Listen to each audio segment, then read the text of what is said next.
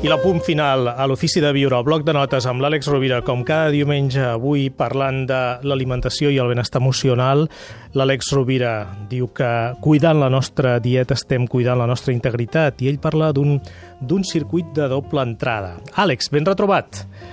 Benvingut. Ens pots explicar això del circuit de doble entrada? Mira, és una reflexió molt senzilla. Diuen que de la mateixa manera que quan somriem eh, és perquè estem feliços, però també eh, s'ha demostrat que hi ha una relació entre el forçar un somriure i que les nostres connexions neuronals estimulin les hormones que ens porten l'alegria, és a dir, quan estem alegres somrient, però també si somriem predisposem el nostre sistema, el nostre, el nostre organisme, a que les emocions canvin de signe.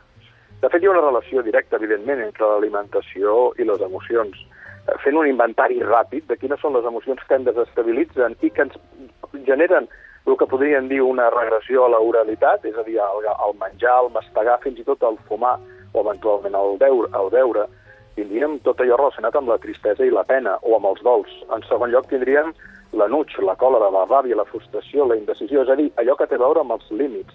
Després tindríem les pors i les inseguretats, que és eh, les que ens porten a l'angoixa la pretensió, l'esforç o el sobreesforç que ens portaria a l'ansietat, i després la preocupació i les cavilacions o les cabòries innecessàries que ens porten a la tensió.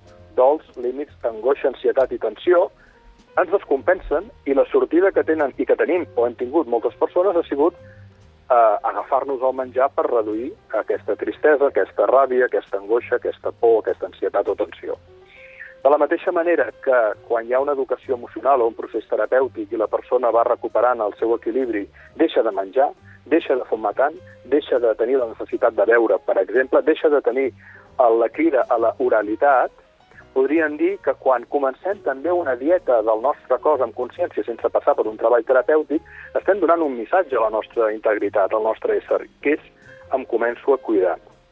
I volia subratllar aquest apunt tan senzill perquè l'equilibri es pot generar tant des d'una aproximació, des d'un treball, des d'una anàlisi emocional, terapèutic, eh, que ens porti a guarir-nos emocionalment i, en conseqüència, que ens porti a guarir o equilibrar la nostra dieta, però també, de vegades, entrar des de la dieta ben acompanyats per una persona que ens sàpiga molt, que tingui la seva, la seva titulació eh, i la seva expertesa com a, com a doctor o doctora que ens pugui acompanyar, també és un missatge que estem donant a les nostres emocions que poden contribuir a la sanació. Per tant, quan dèiem que és una porta de doble entrada, és que podem entrar pels dos costats. En qualsevol cas, el que estem donant un missatge a la nostra ésser és que procurem guarir la nostra integritat.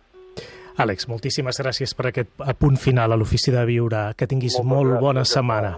Una abraçada.